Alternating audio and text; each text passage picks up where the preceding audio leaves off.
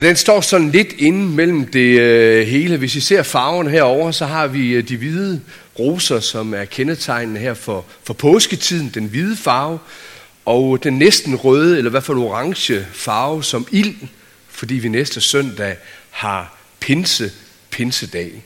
Så det er sådan lidt en søndag inde midt imellem det ene budskab, som vi hører Kristi Himmelfarts dag, om øh, mission, om at blive sendt ud, om at Jesus han tog til himmels for at sidde ved faderens højre hånd, som vi hørte det før i trosbekendelsen, og så på den anden side, at han er nær ved os ved sin ånd, at han sender sin ånd til os, som vi skal høre det her i pinsen. Og det er nærmest det spændingsfelt, vi er lidt inde i her i dag. Vi er sendt, vi er ikke alene, der kommer en og hjælper os, vi har bøndens rum. Og midt ind i det, så er tingene ikke bare altid hverken selvfølgelige eller simple. De her søndage, de handler egentlig også lidt om at være oppe på bjerget. Forstået på den måde, at mange begivenheder foregår op på noget højdedrag.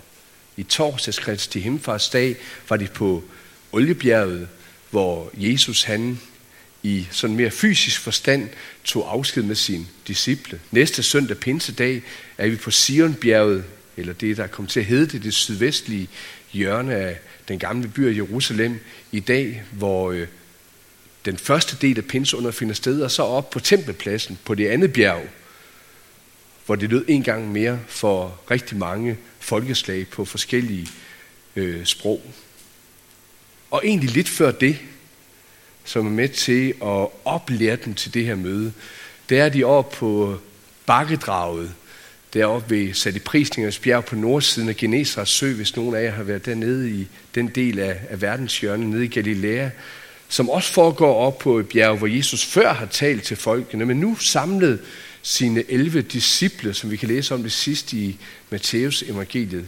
De ord, vi hørte før ved dåben. Mig er givet al magt i himlen og på jorden. Jeg er sand Gud, og nu sender jeg ud med det budskab til at gøre alle til mine folkeslag vidner om mig, i det I døber, i det I lærer dem. Og jeg er med jer. Jeg har ikke forladt jer. Jeg er med jer alle dage ind til verdens ende. Når I går i min mission, så er jeg nær ved jer altid. Jeg vil bo ved troen i jeres hjerter. Jeg vil være der i alle de situationer, I kan komme ud for jeg svigter jer ikke. Så Jesus han er ikke bare en, der nærmest stikker hovedet ned mellem benene, eller hvor man nu gør et hoved som en anden strus i jorden og tænker, det går nok indtil det ikke går længere. Men han tager det store overblik, og så er han nær ved, ved siden af, hele vejen. Lige til det sidste. Og disciplene har været sammen med Jesus i det her, ikke kun i de tre år, hvor de er gået sammen, men også nu i de 40 dage, der gik fra hans opstandelse til himmelfarten. Samværet med ham. Ordene, han har udlagt om sig selv. Det, han har øvet dem op til at se. Og når jeg nu forlader jer, så trækker jeg mig ikke tilbage fra det hele. Jeg sender en anden talsmand en anden gave til jer. Jeg var selv den første talsmand, den første gave fra Gud. Jeg kom til verden julenat. Jeg blev åbenbart for jer. Og som en lige så stor virkelighed, så kommer nu den anden gave, den anden talsmand. Ikke at han skal sige noget nyt i den forstand, ikke at han skal tage sit eget, som om I ikke kender det. Nej, han skal tage af mit. Det, der handler om mig. Og gøre det kendt for jer, så det hele tiden lever i jer. Så når jeg nu kalder jer til at være vidner, så er det egentlig ikke, fordi I selv skal opfinde den dybe tallerken, eller det er noget nyt, I skal sige. I skal egentlig bare tale om mig. Det, jeg har lært jer, måske i ord, i handlinger, i tanke, det mål, I har for jeres liv, det er nu det, Helligånden stadigvæk skal være hos jer med og live op omkring jer. Og måske er vi netop der ved noget af det største under Helligånden kan gøre. Jeg er selv med på, at det er fantastisk at se noget af Helligåndens virkninger. Det her billede, Jesus har med ånden, ligesom med vinden, at man ikke altid kan se den, men alligevel så kan man både alligevel se den, høre den, i hvert fald med den skærning, ligesom med vinden. Man kan ikke sådan se den, men vi ved, at den er der. Der er noget luftborgen ild, der gør, at vi kan ånde her. Rusker det godt derude, så kan vi se det i træerne, og vi kan se alle ødelæggelserne. Så vindens, åndens virkninger, de kan ses. Og der er masser af beskrivelser i Bibelen, og egentlig netop siden Jesu himmelfart op igennem kirkens historie, hvordan ånden har bevæget, har skabt, har gjort virkninger. Der kan være de helt store ting under mægtige gerninger, tungetal, helbredelse, dødeopvækkelser, meget andet, som vi måske nogle gange kan zoome ind og tænke, det her det burde jo være normal tilstanden. Jeg tænker, ja, hvis vi var på den nye jord, så er det sådan, det var hele tiden. Det betyder ikke, at det kan ske nu, og at det sker. Jeg våger alligevel holde fast i, at jeg tror noget af det mest vigtige, og noget af det største under ånden kan gøre, det er, at et menneske ser Jesus sådan, som han er. At et menneske ser Jesus sådan, som han er. Og for mig at se, at det er det, Jesus her den tekst, vi hørte før fra Johannes evangeliet, hvor Jesus han underviser sine disciple den sidste aften, han er sammen med dem før sin, sin lidelse og død, så er det, det handler om, hvem er det, han er? Hvem er det, de skal tale om? Hvad er det, de skal vidne om? At de må se ham som den, han er. Som verdens frelser, som herre i deres liv, som den, der går med dem alle dage ind til verdens ende, og selv igennem døden, bærer den ind i evigheden. Det, at et menneske får rettet sit blik derind, eller forvendt sit sind om omvendelse, hvad vi nu vil kalde det ord. Men det at få Jesus for øje, det kan et menneske ikke af sig selv. Den mission, vi bliver sendt med siden Kristi Himmelfart og indtil Jesus kommer igen, er ikke en, vi kan virke i os selv. Vi kan være redskaber, vi kan gå, vi kan være lydige, men det er åndens gerning, der sker.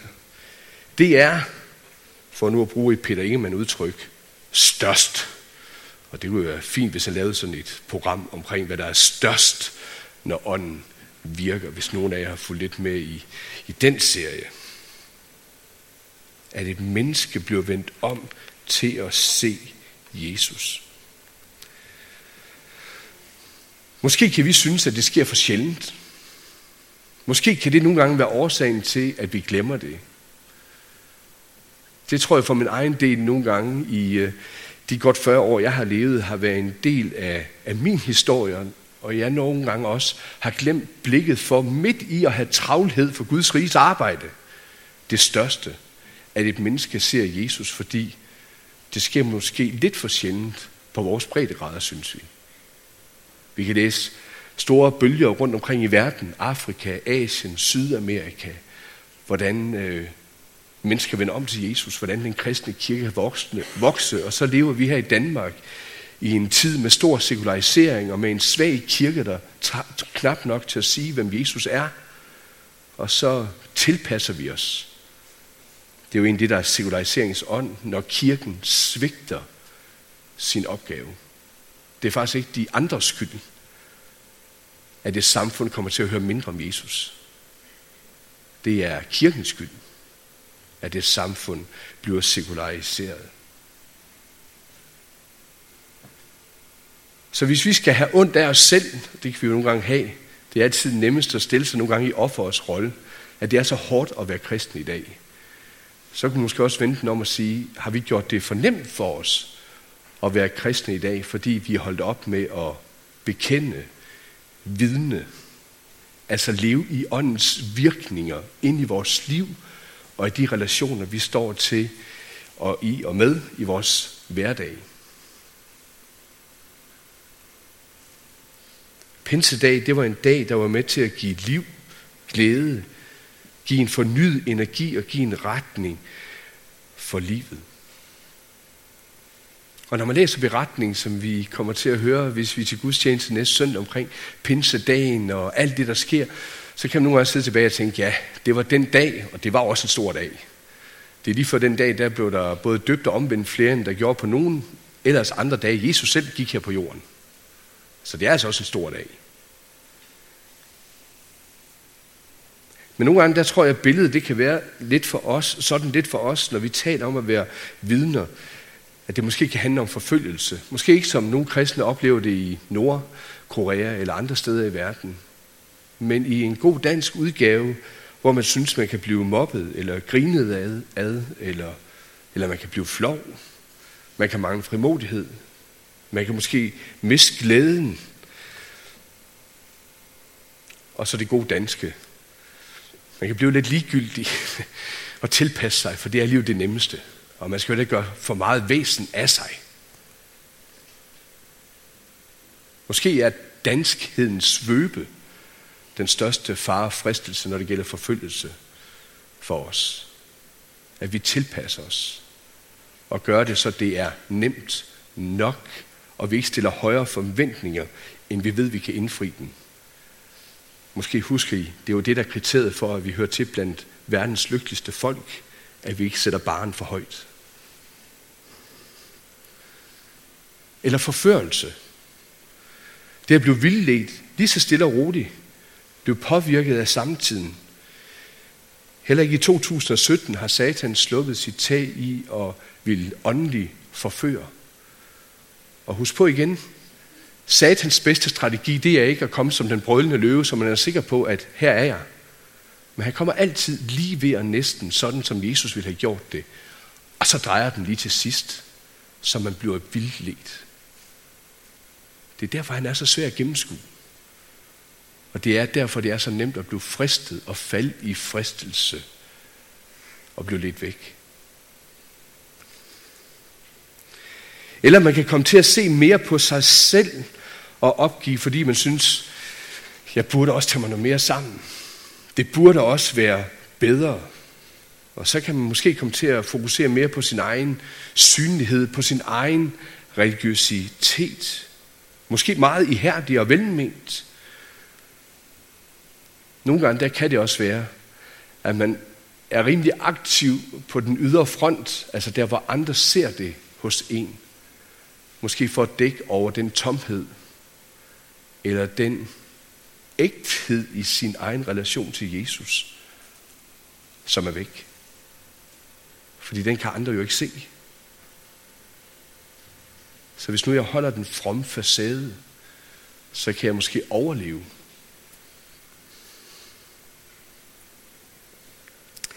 Hvem er Helligånden ind i det her? Hvordan virker han, og hvad vil han? Som sagt, så er der masser af kendetegn på åndens virkning. Et af de største kendetegn for mig, udover det, jeg har, har nævnt, selve underet at mennesket kommer til at, at lære Jesus at kende, så et, et kendetegn på ånden selv, det er, at han mest af alt bare gerne vil tale om Jesus. Det plejer altid at være et godt kendetegn for mig på, at her er det sund åndsteologi eller helligåndsvirke, at det altid peger hen på Jesus.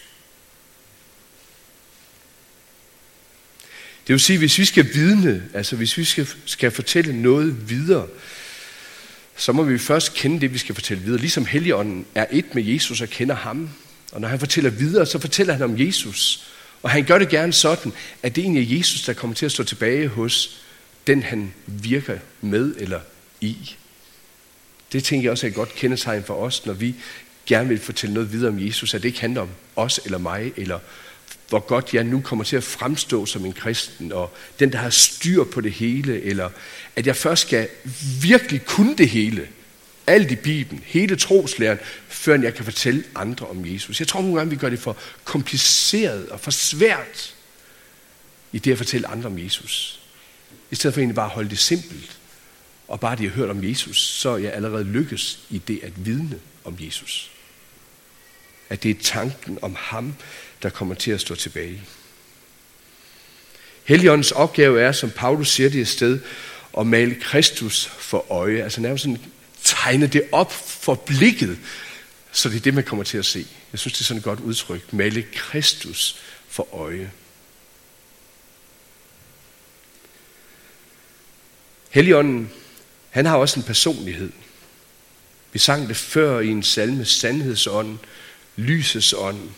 Han bliver kaldt både nådens og bøndens ånd, eller doms- og udrensningsånd. Han bliver kaldt krafts, kærligheds- og besindighedsånd, troens ånd, Guds ånd, Kristi ånd, trøsteren, talsmand og flere andre ting.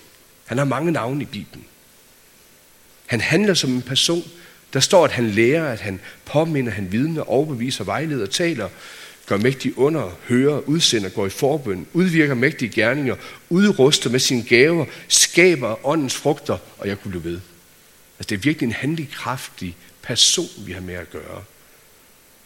I Bibelen blev han også behandlet som en selvstændig person. Man kan lyve imod ham. Man kan sætte sig op imod ham. Man kan bedrøve ham. Han har egenskaber, sådan som både faderen og sønnen har det. Han har en vilje, han har en viden, han har indsigt, forstand, kærlighed, og sådan kunne man blive ved. Så vi har altså at gøre med en virkelig person. Og hvad er det Helligånden skal? Ja, sådan som vi hørte det før også i forbindelse med, med trosbekendelsen og ved dåben, så er det særligt tre ting. Han skal skabe et helligt folk. Det vil sige, når vi sidder også her i dag og hører om Jesus, så handler det om at fortsætte i den vandring, vi kom til at være i ved tro og dåb, eller blev kaldet ind til, vende os om mod Jesus og komme i følgeskab med ham. Men leve det liv, som vi kaldes til, også ved sådan en gudstjeneste som den af Gud, og leve, så Jesus bliver større og større i det liv, som jeg nu bliver sendt til. Et helligt folk, der er med til at ære Jesu navn i den her verden og gøre ham stor. Helligåndens opgave, det er også at bringe Guds nåde og tilgivelse. Det vil vi gerne høre igennem Guds ord. Vi vil gerne høre det, ligesom ved dåben, ved nadvånd. Når Jesus han tog til himmel, så var det ikke for at sidde deroppe på en eller anden tilbagetrukken sky og så sige, nu overlader det hele til dem selv. Men der står hele tiden, at han kommer til dem, både ved sit ånd og gør det levende. Han kommer ved dåben, som vi oplevede og hørte det før ved Elines dåb. At nu er den virkelighed, der er Jesus, også hendes. Hun er blevet ført ind i hans rige, sat der og må være hans barn. Og ved nadvånd kommer han til os, giver sig selv, og med åndens livgivende ord siger, den nåde, der er hos Jesus, den tilgivelse, der er hans, den vil han give igen og igen. Det er ikke bare tomme ord, men ord, der skaber virkelig den virkelighed, som de nævner. Og så kan han virke i os med sine virkninger, skabe troens frugter, udruste os med gaver til at virke for ham, som jo netop kommer til at pege på Jesus og ære ham, fordi det Helligånden vil også, når han bruger os som redskaber. Så ånden er hele tiden i gang.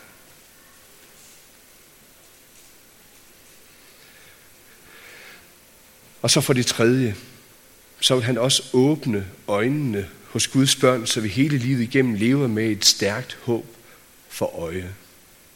Vi tror på det evige liv. Alt det her, det sker ikke bare for vores egen skyld. Det sker ikke bare, så vi skal holde det for os selv, men vidne om, at vi er på vej hjemad. Når Jesus han er nær hos os alle dage ind til verdens ende, så er det ikke fordi, at det i den forstand er slutmålet, at en dag slutter det.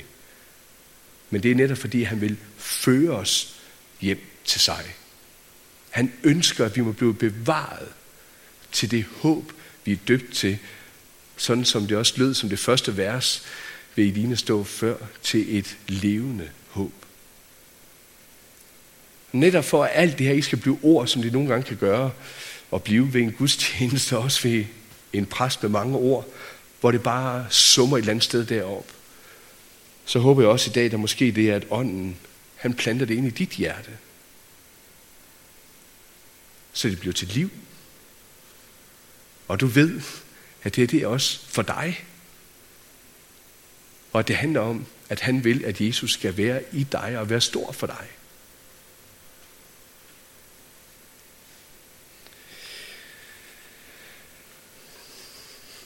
Det er det her lys, hvor vi ikke er alene. Hvor Jesus han er med os alle dage, og han sender sin ånd til os. Både for at råde i hele verden, og særligt for at virke i de helliges liv. Det her hellige folk, som ånden skaber. At han sender os til at være vidner. Jeg elsker det her udtryk. Jeg ved ikke, om I hørte det før, Jesus siger det her. Men også I skal vidne. Det er som om, jeg har stor, styr på hele den store plan. Og midt i det, men også I skal vidne. Jeg bruger jer netop ind i det her. Også selvom jeg godt ved, det kan være svært. Nogle gange skal de, skal de forfølge jer, nogle gange skal de udelukke jer, og alle de der andre ting. Og nogle gange skal vi sige det med ord. Andre gange, der kan det også være med vores adfærd. Det kan være, at du står i butikken, og den, der betjener kunder, det kan være, at de ved om dig, at du tilfældigvis kommer i Aarhus Bykirke med en klynge her, eller kommer i et andet kristen fællesskab her i, i byen. Og måske fordi de ved, at du er en af lidt mere bevidste kristne, så prøver de at aflæse dig. Hvordan gør du tingene? Hvordan siger du tingene? Hvordan behandler du de andre? Fordi barn bliver nogle gange hævet lidt højere, for man er vel mere moralsk rigtig. Måske er vi lidt selv skyld nogle gange i den fordom, men på den anden side, det er faktisk også okay, at der bliver stillet forventninger til os.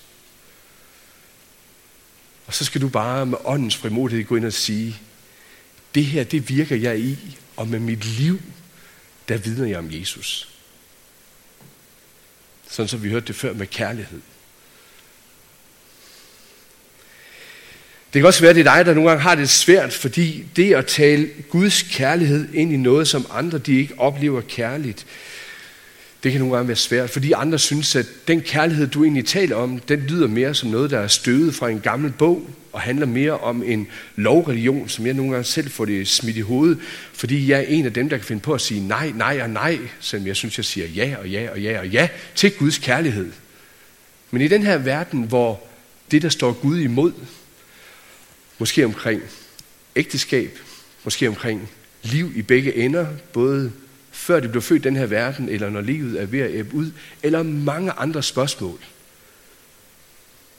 Der er der noget, der blev naturligt og normalt, fordi de fleste mener sådan. Og så kan man komme med nok så meget Guds kærlighed til den her verden. Men det kan nogle gange blive hørt som noget ukærligt, og som en, der ikke vil det, der er godt og naturligt for det frie, moderne menneske. Og ja, det nemmeste kan være at holde sin mund og pakke sig sammen. Og så trække ind i de beskyttede rum, hvor man kan leve isoleret i kristne klaver. Men også I skal vidne, siger Jesus.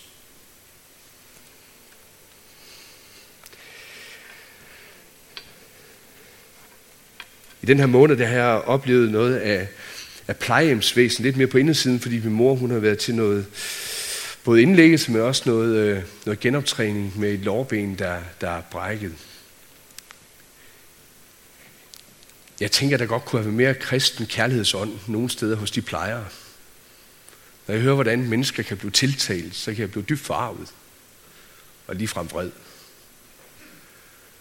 Og så tænker jeg, her har vi som kristne virkelig et sted, hvor vi kan vise, hvordan kan man både behandle andre mennesker, patienter, hvordan kan man behandle kollegaer. Jeg ved, der er nogen, der sidder her, der arbejder i de gode steder i sundhedsverdenen, på plejehjem eller på sygehus, eller hvor det er hen. Gør det godt der. Og vær nogen af dem, som folk tænker, det er dejligt, når han eller hun kommer ind ad døren. Det kan være allerede en start på at vidne om Jesus.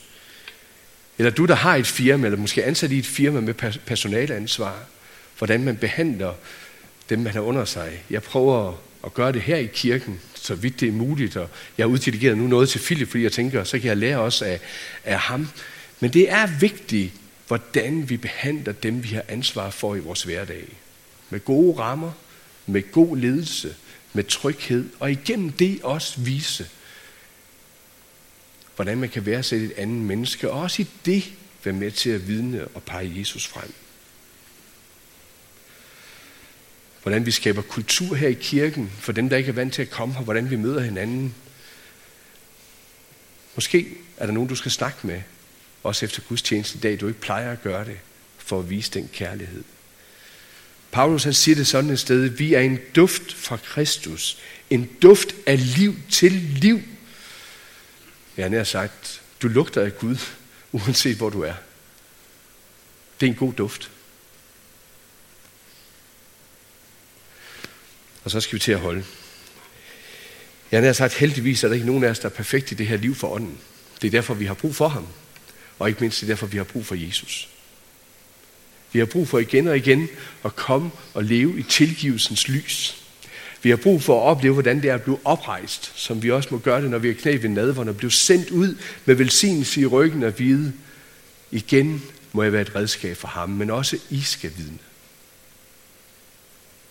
Jeg vil ønske for dig, at Jesus han er det største åndens under i dit liv. Og jeg vil ønske for dig, at du må gå med frimodighed og vidne om ham, som du har lært at kende, og det håb, du har for øje. Amen.